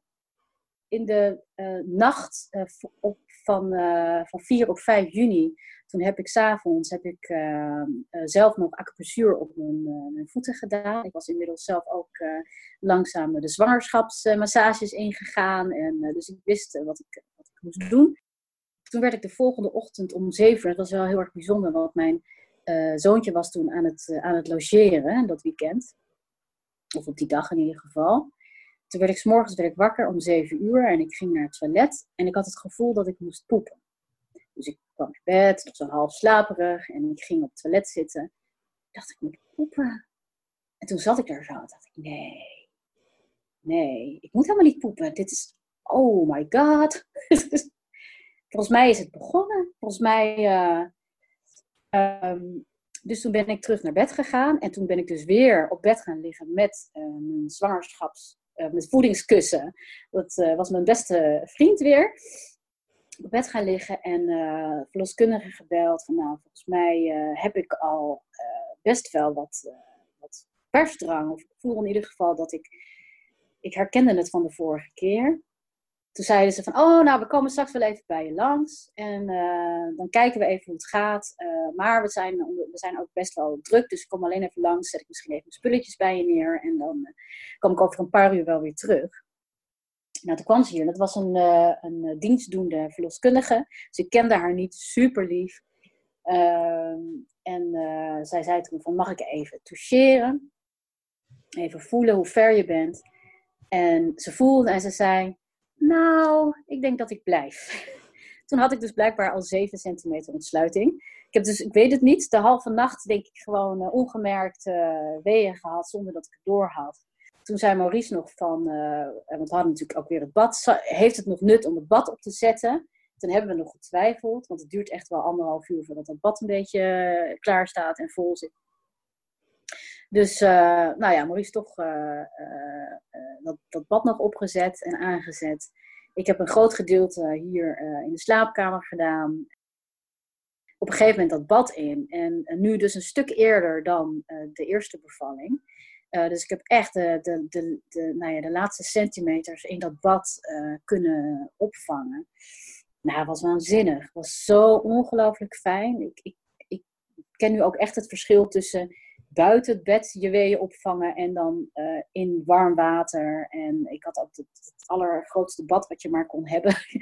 Zodat ik me helemaal lekker kon bewegen. En uh, ik had ook al heel expliciet gezegd, ik wil op handen en, uh, en, en, knieën bevallen. Nou, ik geloof dat ik drie uur heb ik erover gedaan. Wauw. Ja, ze was, nou ja goed, ik, om zeven uur werd ik wakker en om half elf was ze er. Dus het, uh, nou, het, was, het was waanzinnig. En um, ik merkte dat ik nu dus ook weer, dat ik die eerste keer zo'n uh, overvallen, overweldigende orgasmic birth had gehad. Dat ik dacht, ja, dat ga ik nu weer creëren. Dat ga ik doen, dat ga ik doen. maar dat gebeurde helemaal niet. En dat was ook prima hoor. Uh, maar ik wilde haar natuurlijk aanpakken. Uh, maar doordat ik met mijn handen, met één hand op de leuning van het, van het, van de, van het badrand, uh, zeg maar, mezelf moest vasthouden. En mijn andere hand was ik mezelf ook aan het afzetten en aan het kracht zetten met persen. Uh, oh ja, toen braken de vliezen ook nog in bad. Dat was ook voor mij nieuw, want ik had natuurlijk bij de eerste dat de vliezen van tevoren braken. Ik kan me ook nog herinneren dat ik een momentje van, nou ja, lichte paniek had. Dat ik niet zo goed wist hoe ik moest persen. En daar heeft me de, de verloskundige mij heel goed uh, doorheen geholpen de kraamverzorgster die dit toen was, die heb ik overigens ook bij de derde gelukkig weer teruggezien. Dat was, zij is fantastisch, Sophie van uh, Natuurlijke Kraamzorg, van het collectief uh, Natuurlijke Kraamzorg. Ehm, zij heeft allemaal mooie foto's genomen, echt stap voor stap. Dus ik heb echt, ja, echt, echt hele mooie foto's van hoe Nina geboren werd. En ehm, ik kon haar dus niet zelf aanpakken. Maar uh, ze is wel echt een aantal minuten onder water geweest. En heeft zo met die mooie donkere kraaloogjes zo naar ons uh, gekeken. Ja, dat was uh, prachtig. Dat is echt zoals ik het heel graag wilde. Ja. ja. ja. Oh, mooi. Zeker. En toen ook weer op bed voor de placenta? Nee, op de bank. ja, op de bank. En daar ging wel iets, want bij de eerste is de placenta gewoon helemaal natuurlijk gekomen. Bij de tweede ging er ervan uit, ook van wel. Ik had ook heel uh, expliciet in mijn bevalplan gezet dat ik absoluut geen uh, medicatie wilde. Maar op een of andere manier, um, nou ja, nadat je een kindje gekregen hebt, en er gebeurt natuurlijk van alles, hè, buiten, om je heen, maar ook van binnen. alles is overweldigend. En wat ik me kan herinneren, en daar heb ik later ook gelukkig nog met de verloskundige praktijk over kunnen praten, is dat ik uh, plotseling een naald in mijn been had en een uh, uh, synthetische oxytocine ingespoten kreeg, zodat die placenta snel zou komen. Um, het gekke is dat ik op dat moment, ik, je ervaart het, ik onderging het, maar ik was achteraf daar niet blij mee dat dat gebeurd was. De placenta werd daar wel heel snel met mee geboren. Maar uit ervaring weet ik ook dat dat dus gewoon kan, ook al krijg je geen oxytocine toegediend. Ja, dus die, uh, die werd vrij snel uh, geboren. En daarna had ik een paar kleine hechtingjes, iets minder dan, uh, of hechtingjes nodig, iets minder dan bij Noah. en daar was natuurlijk wel iets om te doen. En daar had ik van tevoren had ik daar ook haptonomie voor genomen. om, oké, om heel om daar heel oké mee te zijn. En om, om uh, uh, erin te kunnen zinken dat het toch moest gebeuren. En door te ademen. Uh, de verloskundigen wisten het ook, dat ik dat een heel spannend moment vond. Dus ook daar hielden ze heel erg rekening mee. Vertelden ze wat ze gingen doen. Ehm, nou, dat was heel, heel fijn was dat. Ja, ja, ja heel goed. En was Nina een grotere baby dan, dan Noah was? Ja, Nina was bijna drie kilo. Dus uh, ik moest ook heel erg aan haar wennen. Ja, nou, aanvankelijk dacht ik van ze lijkt heel erg op Noah, maar ze is heel anders. Um, nou ja, ik, het heeft echt wel even een paar dagen geduurd voordat ik um, kon wennen aan dat ik een heel ander kindje had. Ook omdat het natuurlijk een meisje was. Ja, was toch heel gek. Ja. Um, ja, dus de liefde moest daar wel een beetje groeien of zo nog. Maar wat ik nu bijvoorbeeld wel had, was dat ik nu per se borstvoeding ging geven. Per se. Koste wat kost. Het maakte me niet uit hoe ik het zou doen. Maar ik ging me dat niet door mijn neus heen laten boren. En uh, dat was niet gemakkelijk. Uh, ik heb echt in het begin ook uh, moeten kolven voeden, kolven voeden. Nou, de nachten waren super, super intens. En ehm, ik kreeg eh, geen tepelkloven, maar spruw. Dus wij zaten op een gegeven moment ook met van die tepel hoedjes uh, uh, te klooien. Um, maar ik heb heel goede, goede hulp gekregen van de kraamzorg ook. Die, um, achteraf gezien dacht ik ook bij Noah, volgens mij al, als jullie me iets meer hadden begeleid nog daarin, of me nog andere dingen hadden aangedragen, dan was het denk ik uiteindelijk wel gelukt. maar ja, toen wist ik ook niet beter dan dat ik wist. En nu dacht ik, ik ga alles doen. Alles doen wat ervoor zorgt dat dit gaat lukken. En ik heb echt gevloekt. Echt midden in de nacht heb ik liggen, sta, ja, echt gevloekt. Um, maar ik dacht, dit, ik ga dit doen. Hoe dan ook. En na zes weken werd het beter. En uh, pakte ze uiteindelijk zonder het tepelhoedje mijn tepel. En heb ik haar uiteindelijk langer dan drie jaar uh, gevoed. Wauw. Uh, ja, daar ben ik heel, heel erg dankbaar. Ja. Heel fijn. Nou en sowieso die zes weken, die veertig dagen. Je hebt gewoon tijd nodig om te landen. En uh, op een of andere manier denken wij vrouwen van nou, als we dan dat kind hebben gekregen, of die baby hebben gekregen, bevallen zijn, dan staan we daarna op en dan runnen we ons huishouden weer. Dan doen we die borstvoeding even tussendoor, wassen we het andere kind, geven een broodje.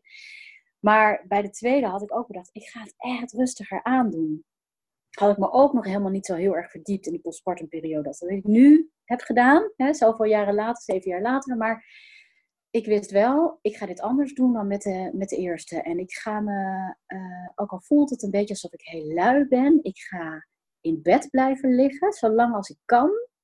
En uh, die borstvoeding zorgde er dus ook voor dat ik heel lang uh, en vaak in bed zat. Om die rust te pakken, omdat die borstvoeding gewoon goed op gang moest komen en wij met elkaar in zinken moesten raken. Dus eigenlijk was dat ook een, ja, manier om mezelf ehm, te onttrekken ook aan de kraamvisite die er was. Die zat dan lekker in de woonkamer. Nou, ik ga even mijn dochter voeden hoor. Dat doen we heel lang over. Dus ja, dat, dat was eigenlijk, als ik daarover, nou, als ik daaraan terugdenk, was dat echt in ons kokonnetje. Dat was heel fijn. Ja, ja. ja heerlijk. En hoe uh, zat het toen in je relatie? Want uh, je vertelde dat je uh, je derde kindje heb je gekregen met een andere vader of met een andere ja. partner. op welk moment ja, veranderde die situatie?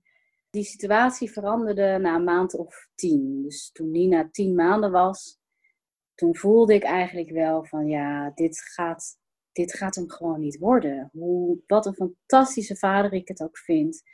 En wat een leuke en lieve man. Ja, ik ga niet oud met deze man worden. Ik word daar, ik word daar niet gelukkig van. Ja, dat is een van de moeilijkste stappen geweest, denk ik, die ik gemaakt uh, heb in die periode van mijn leven. Heb moeten maken. Ja. En ik dacht ook echt, hoe kan ik mijn kinderen dit aandoen? Dit mag ik mijn kinderen niet aandoen, uit elkaar gaan. En zeker omdat ik zelf natuurlijk niet goed gehecht was en ik niet met een biologische vader en moeder was opgegroeid, dacht ik echt, nee, dit kun je gewoon niet maken.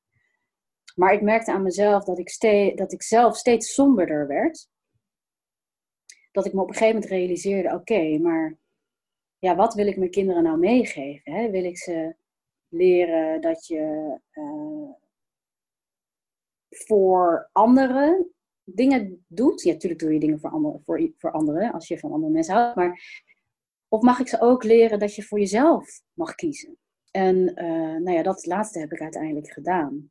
En dat was natuurlijk niet gemakkelijk. Dat, is, uh, dat zijn uh, heftige jaren geweest. zeker het eerste, eerste jaar. Um, want Nina was dus tien maanden toen ik aangaf, nou, hè, ik, ik, ik, wil dit niet meer. Hoe gaan we dit oplossen? Toen hebben we nog acht maanden lang geprobeerd om er nog iets van te maken. En uh, nou, dat is eigenlijk wel uh, symbolisch. Na negen maanden vond ik een, uh, na, nadat ik het had aangekaart, vond ik een woning. En ehm, ben ik, ja, dat huis heb ik toen verlaten. En toen hebben wij er eigenlijk alles aan gedaan om het zo goed mogelijk voor de kindertjes te regelen. Ik noem het mijn co-moederschapsperiode ik woonde toen wel in mijn nieuwe huisje, maar we hebben de kindertjes in het oude, huis gelaten, omdat we ze niet direct ehm, in het diepe wilden gooien. Ehm, dus toen ben ik eigenlijk op de dagen dat, dat ik co-ouderschap had, of co-moederschap had, uh, ben ik naar het oude huis gegaan. Hebben we ook nog met elkaar in, in bed geslapen en hebben eigenlijk alles gedaan zoals we het deden. En uh, nou ja, op een bepaald moment ging dat natuurlijk niet meer. En toen zijn de kindertjes ook met mij meegegaan. En uh, ja, toen was ik ineens een alleenstaande moeder. Ja. Bijzondere periode ook. En bijzonder omdat ik, uh, ja, natuurlijk gewoon met, met twee kindertjes alleen was. En ik dacht ook echt van, nou, dit, dit is het. Dit, dit is het leven. Mij en mijn kinderen. Ik en mijn kinderen. Dus ja, zal ik ooit nog een man vinden die uh, een vrouw wil met twee kinderen? Ja, jeetje. Nou, daar ga, ging ik niet echt van uit eigenlijk. Maar toch wel. Ja. Ja. ja. Vertel. Ja, jeetje. Is de, de, de, ja, je, ja, eigenlijk je vijfde uh, zwangerschap. Nee, ja, vierde zwangerschap van je derde kindje. Hoe is dat tot stand gekomen? Ja, nou, ehm, toen wij uit elkaar waren, had ik uh, dus co-ouderschap en uh, had ik ineens ook uh, tijd om weer dingen voor mezelf te doen. De periode dat, dat de kinderen er niet waren. toen ben ik een opleiding holistisch coachen gaan doen van twee jaar. En ehm, daar zat ik helemaal volop in. En ondertussen was ik aan het masseren bij een massagesalon hier in Amsterdam als bijbaantje kon ik een beetje studeren en uh, tussendoor uh, masseren. En ja, het toeval wilde dat mijn huidige man, de vader van mijn zoon, binnenstapte. En ja, wij zagen elkaar en we vonden elkaar eigenlijk direct leuk. en toen moest ik hem nog gaan masseren. Ja, dus dat was een hele bizarre eerste ontmoeting eigenlijk, kan ik, eh, kan ik je wel zeggen. Ja. En ehm, nou ja, je hebt, je hebt natuurlijk het protocol dat als je dan cliënten masseert, dat je geen telefoonnummers gaat uitwisselen. En nou, op een of andere manier raakten we daarna dus wel met elkaar even kort in gesprek. Ik zal je, ja, nou ja, wat we tegen elkaar zeiden maakte allemaal niet zoveel uit in ieder geval. Hij uh, had mijn telefoonnummer en dezelfde avond uh, appte hij mij. En uh, toen hebben we volgens mij drie uur lang heen en weer geappt. En toen was het eigenlijk wel duidelijk dat we elkaar heel erg leuk vonden. En, en was de zwangerschap van je derde kindje gepland? Of kwam die ook als een verrassing voorbij? Ja? ja, ja, eindelijk een gepland, geplande zwangerschap. Ja, het was heel. ja, we vonden het heel. Kijk, op het moment dat je een samengesteld gezin hebt, dan uh, moet je eerst, uh, hebben we een aantal jaren gedaan over uh, landen in dat gezin samen. Want dat is toch iets ingewikkelder dan dat je geen kinderen hebt. Nou ja, voor ons was het dus helemaal niet zo vanzelfsprekend dat we nog een kindje zouden krijgen samen, omdat we, ehm, ja, omdat we eigenlijk al een heel druk leven hadden met kinderen. En we het heel erg fijn vonden om op de momenten dat de kindjes bij hun vader waren, samen te zijn en leuke dingen te doen samen. En uh, we zijn zelfs nog even tussendoor uit elkaar geweest, twee maanden. En toen we dat uh, hadden uh, overleefd samen, dat uit elkaar, en toen weer bij elkaar, toen was het ook meteen goed. Toen vroeg hij me al vrij snel ten huwelijk, op mijn verjaardag. Echt super lief. En eigenlijk hadden we die week daarvoor ook volgens mij hadden we een gesprek van, goh, willen we dan toch een kindje samen? Op dat moment zeiden we allebei volmondig ja ja, oké. En toen zei ik ook tegen hem van, oké, maar uh, ik ben nu uh, 37. Um, we weten niet hoe lang het duurt. Ja, wat zullen we dan doen? Uh, durven we dan al meteen nu, wanneer ik vruchtbaar ben, durven we dan al aan om er vol voor te gaan? En tot mijn verrassing zei hij ja ik was daar wel heel erg over verbaasd. Want ik dacht van, oh, misschien op het moment dat het dan echt zo is, dat hij dan zegt van, nou, we kunnen wel een halfjaartje wachten. Of, uh, nou ja. Maar in ieder geval, alle, uh, alles kwam bij elkaar. Ik was jarig. Uh, hij vroeg me ten huwelijk op mijn verjaardag. omdat hij wist hoe bijzonder en hoe ja, verdrietig soms ook mijn verjaardag is. Omdat dat de dag is waarop ik ben geboren. en dus ook niet meer bij mijn moeder kon zijn. Dus hij wilde daar een heel uh, mooi iets voor in de plaats geven.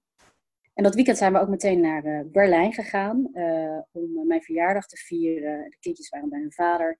En dat was ook precies het weekend dat ik de eerste keer vruchtbaar zou zijn. En dus wij hebben niet zo heel veel van Berlijn gezien. um, en op de terugweg in de trein voelde, had, nou ja, voelde het alsof ik een kater had. En uh, wij dronken al niet zo heel erg veel, maar ik, uh, we, op een gegeven moment gingen we uit eten en we bestelden een biertje. En toen zei ik tegen Reinhard, volgens mij moet ik niet meer drinken.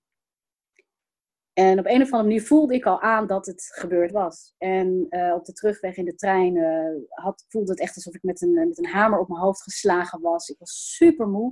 Ik zei, Rijn, volgens mij ben ik al zwanger. Ja, nou ja, zo snel dus. En uh, toen heb ik een hele vroege test gekocht, waar je eigenlijk ook nog niet eens iets kon zien. Maar ik stond natuurlijk zo bij het raam, zo van, eh, volgens mij zie ik al een streep, ik zie al een streep. Ik weet zeker dat ik zwanger ben. Nou ja, en dat was zo. En uh, dat was dus wel echt voor het eerst dat ik, uh, en niet ten nadele van mijn andere kinderen of van de andere zwangerschappen, want die, waren, die hebben op een andere manier volledig bijgedragen aan mijn persoonlijke ontwikkeling en uh, mijn reis in het leven en als moeder. Maar dit was voor mij, weet je wel, met een man waar ik van hou. Echt mijn grote liefde. Uh, en dan samen een kindje maken. Dat was, ja, was fantastisch. Het spannendste de eerste maanden. Ik kreeg ook weer een enorme bloeding gelukkig wist ik nu heel veel van uh, zwangerschappen af. En uh, heb ik ook allemaal hele lieve mensen om me heen die ik kon bellen als ik in, even in paniek was. En uh, ik vond het heel spannend, want ik was bang dat ik het kindje zou verliezen. Maar uiteindelijk bleek het innestelingsbloed te zijn. En heeft Dakota zich gewoon heerlijk in mijn buik genesteld. Ja, het was echt. de, ja, ik kan zeggen het was een feest, maar als ik terugdenk, dan ja, zijn natuurlijk, ik was heel erg misselijk in het begin. Dat had ik met de andere kinderen niet. Uh, ja, dus dat was wel een beetje anders. Maar overal heb ik echt ja, genoten van, uh, van zwanger zijn. Ja. Ja. Ja, en uh, wilde je nog iets anders doen in de voorbereiding op de bevalling? Ik wist in ieder geval dat ik een volledige lotus wilde. Ik wilde uh, heel veel rust nemen. Echt heel veel rust nemen. Ik wilde uh, gemasseerd worden voor, tijdens, na. Uh, nee, vooral de rust. Dus ik, uh, ik had toen al mijn eigen bedrijf, yoga en zo, met coaching en massage en yoga. En um, dus ik kon er eerder uit. En Reinoud heeft mij ontzettend ondersteund in wat ik wilde. En ehm, ik kon hem nu ook heel goed uitleggen waarom ik dit allemaal wilde. En ik zei, oké, als ik dit nog één keer ga doen, dit is wel echt de laatste, dan wil ik eigenlijk het helemaal goed doen. En uh, wil, ik, wil ik alles doen wat ik graag wil. Dus ik ben uh, volgens mij met week 25 al gestopt met werken. Wel nog een coachingstraject gedaan, geloof ik, maar dat waren een paar uurtjes in de week. En ik heb ook nog wel yogalessen gegeven tot en met week 32. Maar dat was het eigenlijk. En ik heb gewoon heel rustig aangedaan. En uh, me verbonden met mijn zoon. En uh,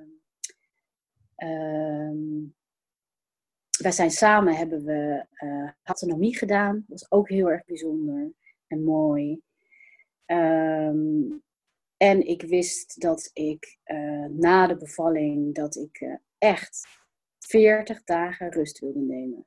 En ik dacht echt, oh my god, hoe dan? Hoe dan met twee andere kinderen? En gelukkig waren die natuurlijk ook deels bij mijn vader.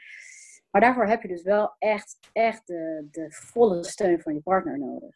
Ik wist ook dat ik uh, niet volledig wilde gaan werken. Dus dat waar mijn vorige kinderen vrijwel direct naar het kinderdagverblijf gingen, wilde ik dat Dakota zoveel mogelijk thuis zou zijn. Ja, en wat betreft de bevalling, ehm, wederom zo natuurlijk mogelijk. oh ja, en ik uh, wilde een mother blessing. Dus ik had een, uh, een, een, lieve vrouw om me heen gevraagd of zij een mother blessing voor mij wilde organiseren. Ja. Wil je en, vertellen uh, wat, wat dat inhield, zo'n mother blessing? Nou, je hebt natuurlijk de, de nou kom ik niet eens op het woord, help me even. De baby showers. Ja, ja de baby shower heb je. het is eigenlijk een, ehm, daar waar een baby shower wat meer gericht is op de baby. Um, is een mother blessing gaat uh, veel meer over het zwanger zijn um, en je in het moederschap laten groeien, zeg maar, of laten zinken. En dat kan je op heel veel verschillende manieren doen. nou, de zwangere staat natuurlijk uh, centraal in zo'n uh, in zo'n mother blessing. Nou, eigenlijk, het woord zegt het al, hè? Je, je, blest eigenlijk uh, de moeder. In mijn geval had ik allemaal vriendinnen uitgenodigd. Um, ja, um, ik kreeg een, een heerlijke massage, een voetenbad. er werden allemaal prachtige affirmaties uitgesproken, wensen uitgesproken. al mijn vriendinnen hadden mooie um, vlaggetjes gemaakt met affirmaties en wensen voor tijdens de bevalling. Um, er is een kralenketting voor mij gemaakt die ik om kon doen tijdens de bevalling, waarin in elke kraal uh, een mooie wens um, ingesproken was door mijn vriendinnen. Um, dus eigenlijk gaat het heel erg over ja, uh, de moeder eren, over de, de, de heiligheid eigenlijk van het moederschap en daar vol, vol aandacht voor hebben.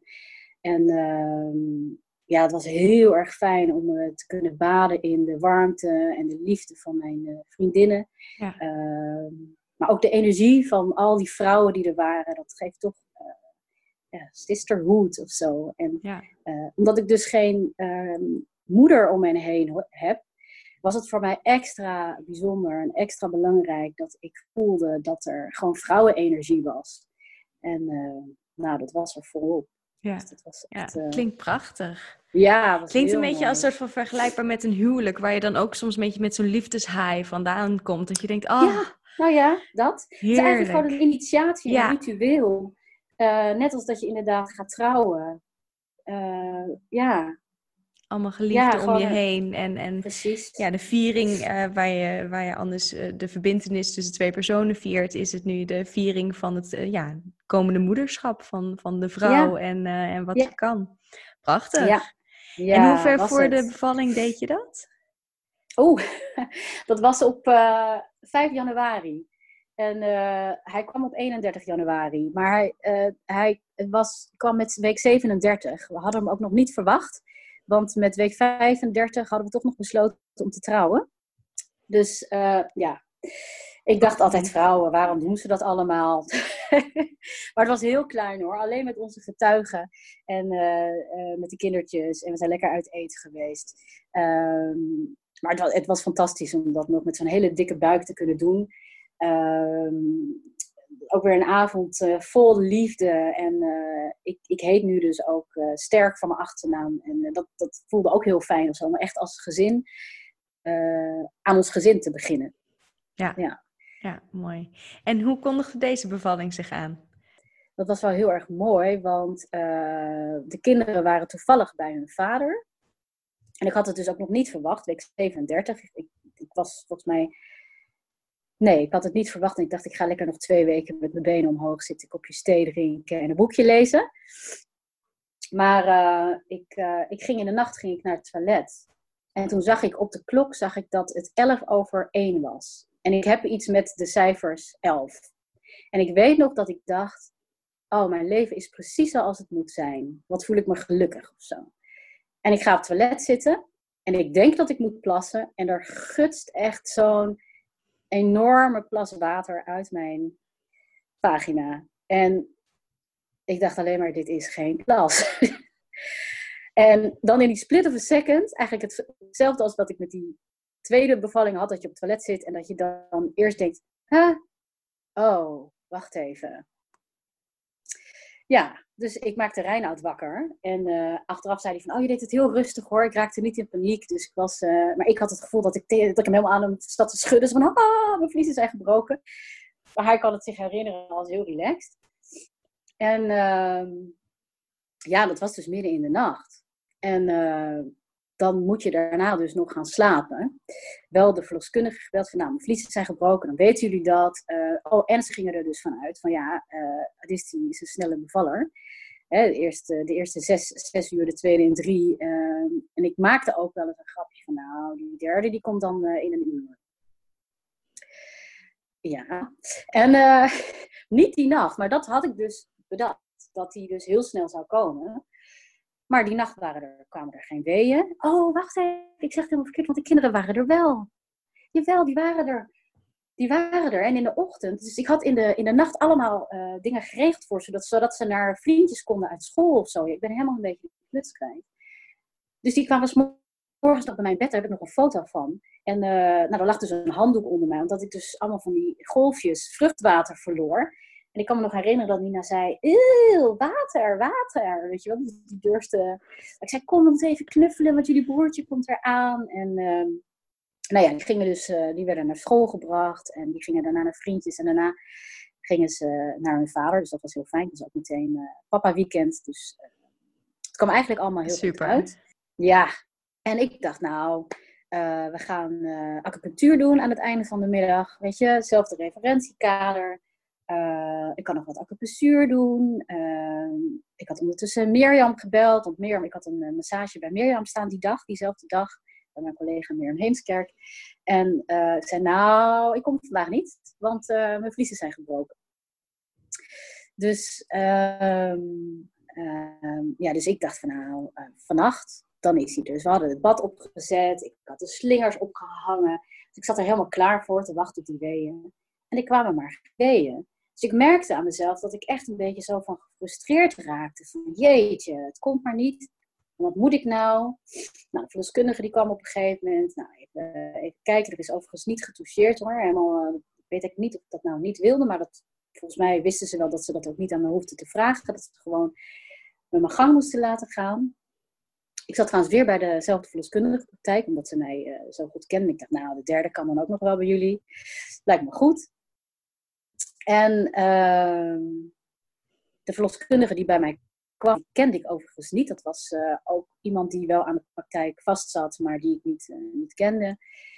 En uh, maar ja, die uren die verstreken maar. En ik wist natuurlijk ook, als die weeën niet op gang komen na 24 uur, dan word ik medisch. En als ik iets niet wil, dan is het dat ik medisch word. Want ik wil alles zo natuurlijk mogelijk.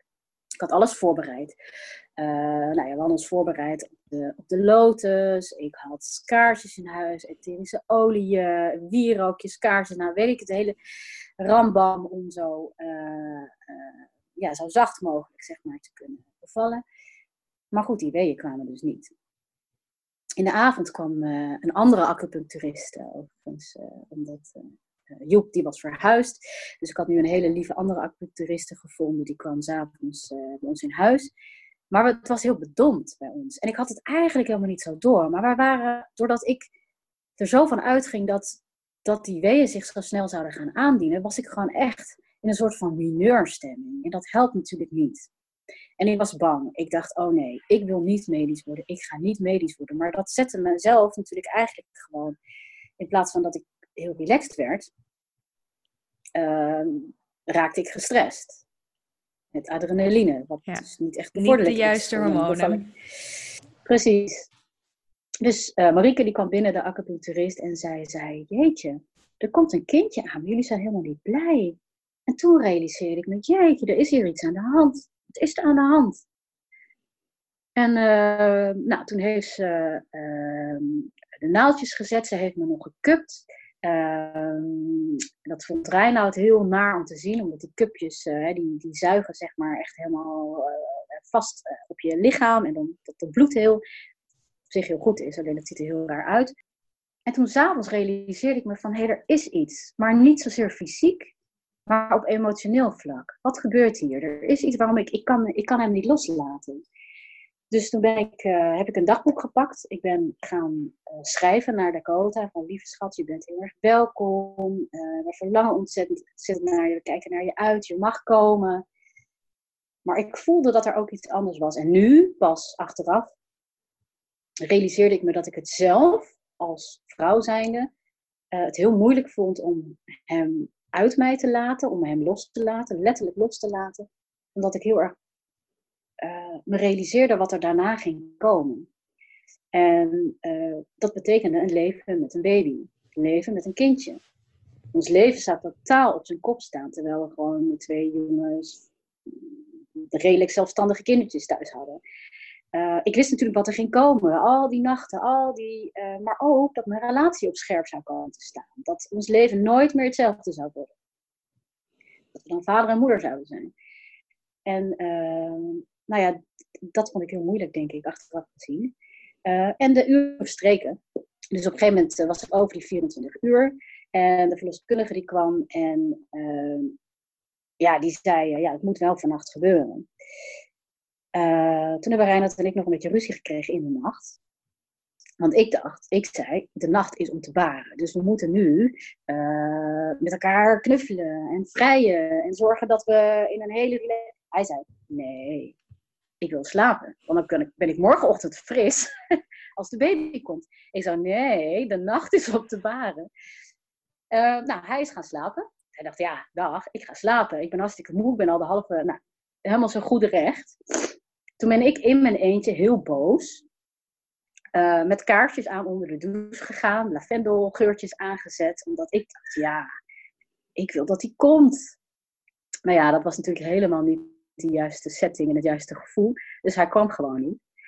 Ehm, de volgende ochtend, toen kwam er een overdracht van verloskundigen. En ik had met de verloskundige praktijk besproken van, goh, zijn jullie oké met als ik over die 24 uur heen ga? En uh, de verloskundige uh, die daarvoor dienst had, zei ja, ja, daar zijn wij oké mee. We kennen jou, we weten dat je lijf hoe goed kent. En we weten dat je uh, dat je voorzichtig bent. Uh, maar ik ga nu wel mijn dienst uit en er komt een volgende verloskundige. En in principe staan we wel op één lijn met elkaar. De verloskundige die daarna kwam, die belde ons op. En die kende ik ook helemaal niet. Maar die zei nee.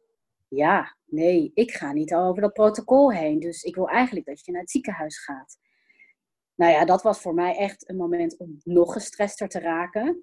Uh, want ik weet dat ik als vrouw zijnde gewoon mijn eigen rechten heb. Ik hoef niet mee te gaan in de beslissing van haar, omdat zij het heel spannend en eng vindt. Maar ik vond het ook weer heel erg eng. Zo van, ja, maar mag ik dat dan wel zeggen? Wat zijn dan mijn rechten? En hoe dan? En ik ga echt no way in het ziekenhuis bevallen.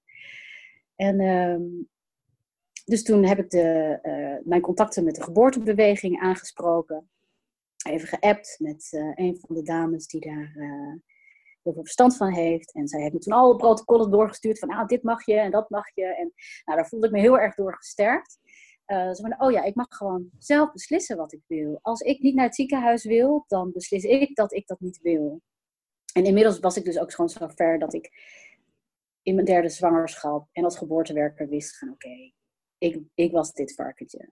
Maar niet in het ziekenhuis.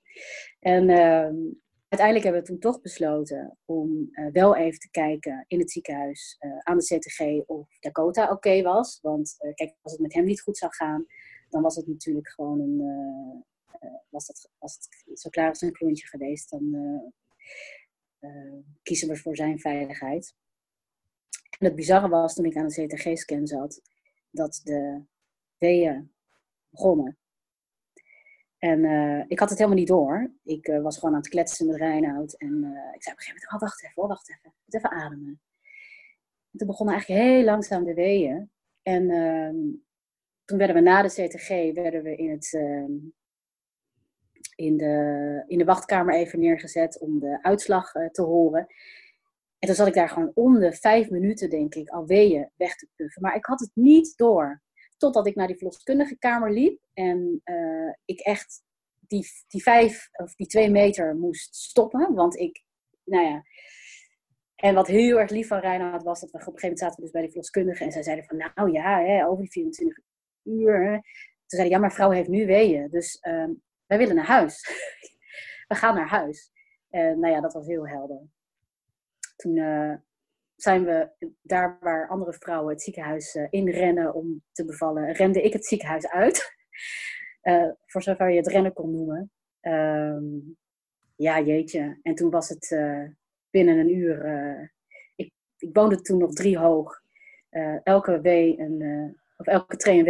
Je wil het niet weten. Wel goed voor de indaling en, en de zwaartekracht goed zijn werk kunnen doen, denk ik. Oh, het was zo intens. Maar ik, ik wist ook, het is oké. En uh, we hadden dus Sophie gevraagd van natuurlijk uh, kraamzorg. Uh, die hadden we allemaal al zo gevuld. En zij kende me natuurlijk ook goed van mijn vorige bevalling.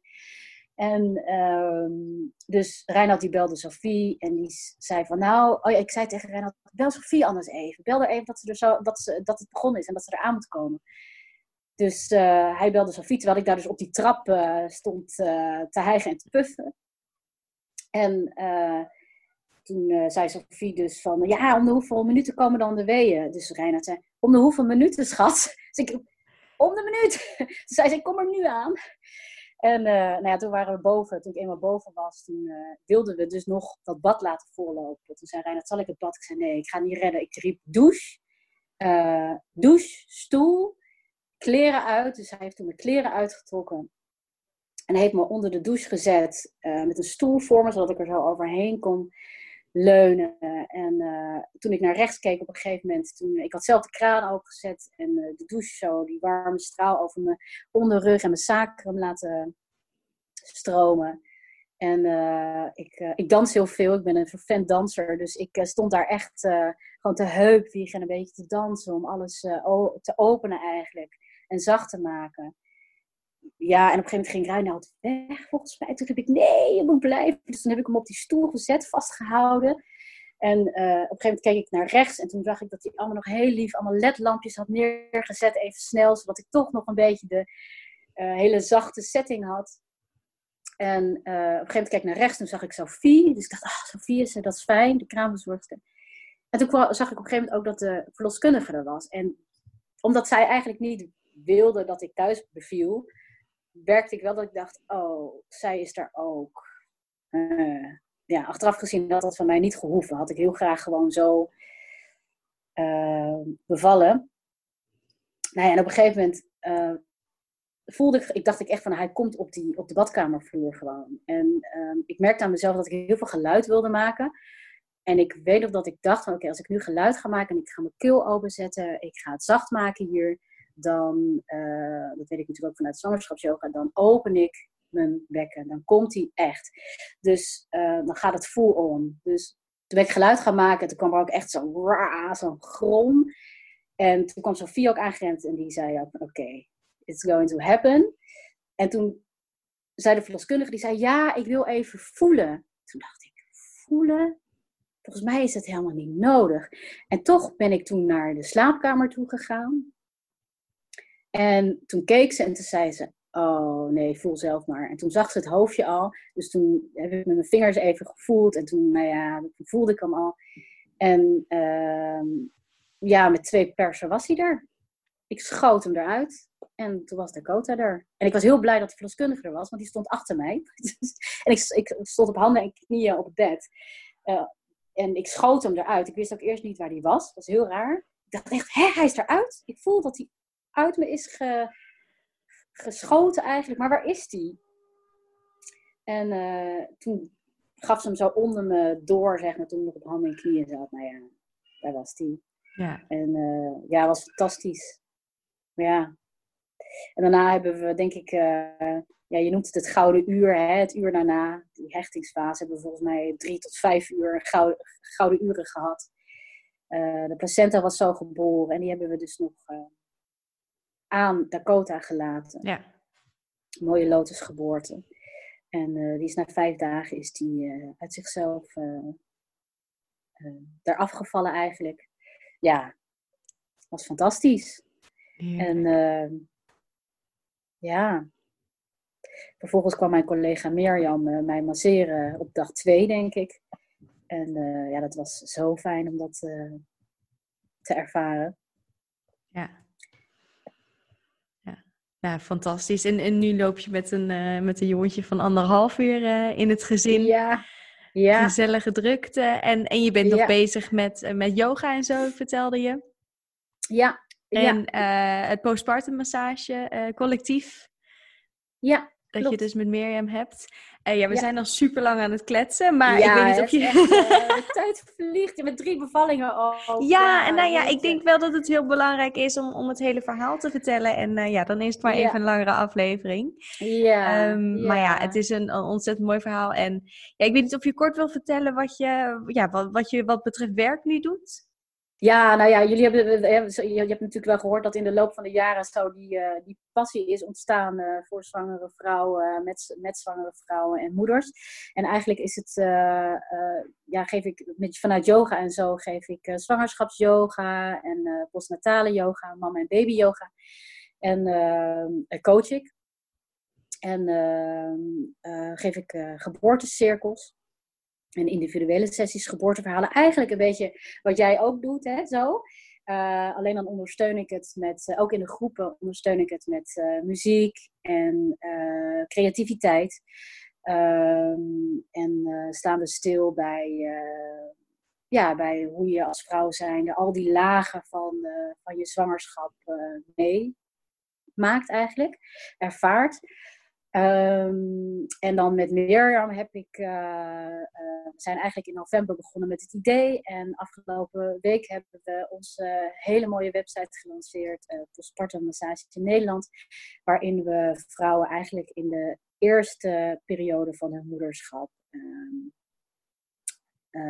helemaal komen koesteren en omhullen met massages en, en behandelingen. En uh, ja, dat is echt een, eh, echt een droom die uitkomt eigenlijk om, uh, om, om, zo dicht bij, ja, bij dat prille begin te mogen zijn en moeders te ondersteunen. En ehm, ja, ze het gevoel te geven dat ze in al hun kwetsbaarheid er mogen zijn. En dat dat er mag zijn. En uh, wij geven eigenlijk alleen maar het duwtje, denk ik, door uh, onze warme handen en door olietjes en geurtjes en kruiden te gebruiken, om te mogen zinken in dat wat ze, ja, de enorme prestatie die ze geleverd hebben en nog gaan leveren als moeder, moeder zijnde. Want dat is, een, nou, dat is me nogal wat. Ja. En ehm, ja, dus dat, dat doen wij. Ja. En met heel veel liefde. Ja, nou, absoluut. Zo klinkt het ook.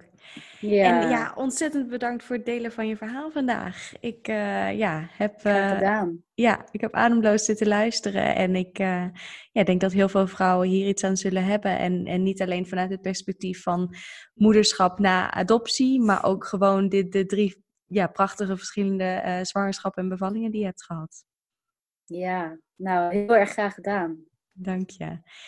En dat was dan weer met deze aflevering van de verwachting. Zoals ik al zei, het verhaal is iets langer geworden, maar ik hoop dat je met plezier hebt geluisterd. En uh, dan ben ik binnenkort weer terug met een nieuwe aflevering. Tot dan!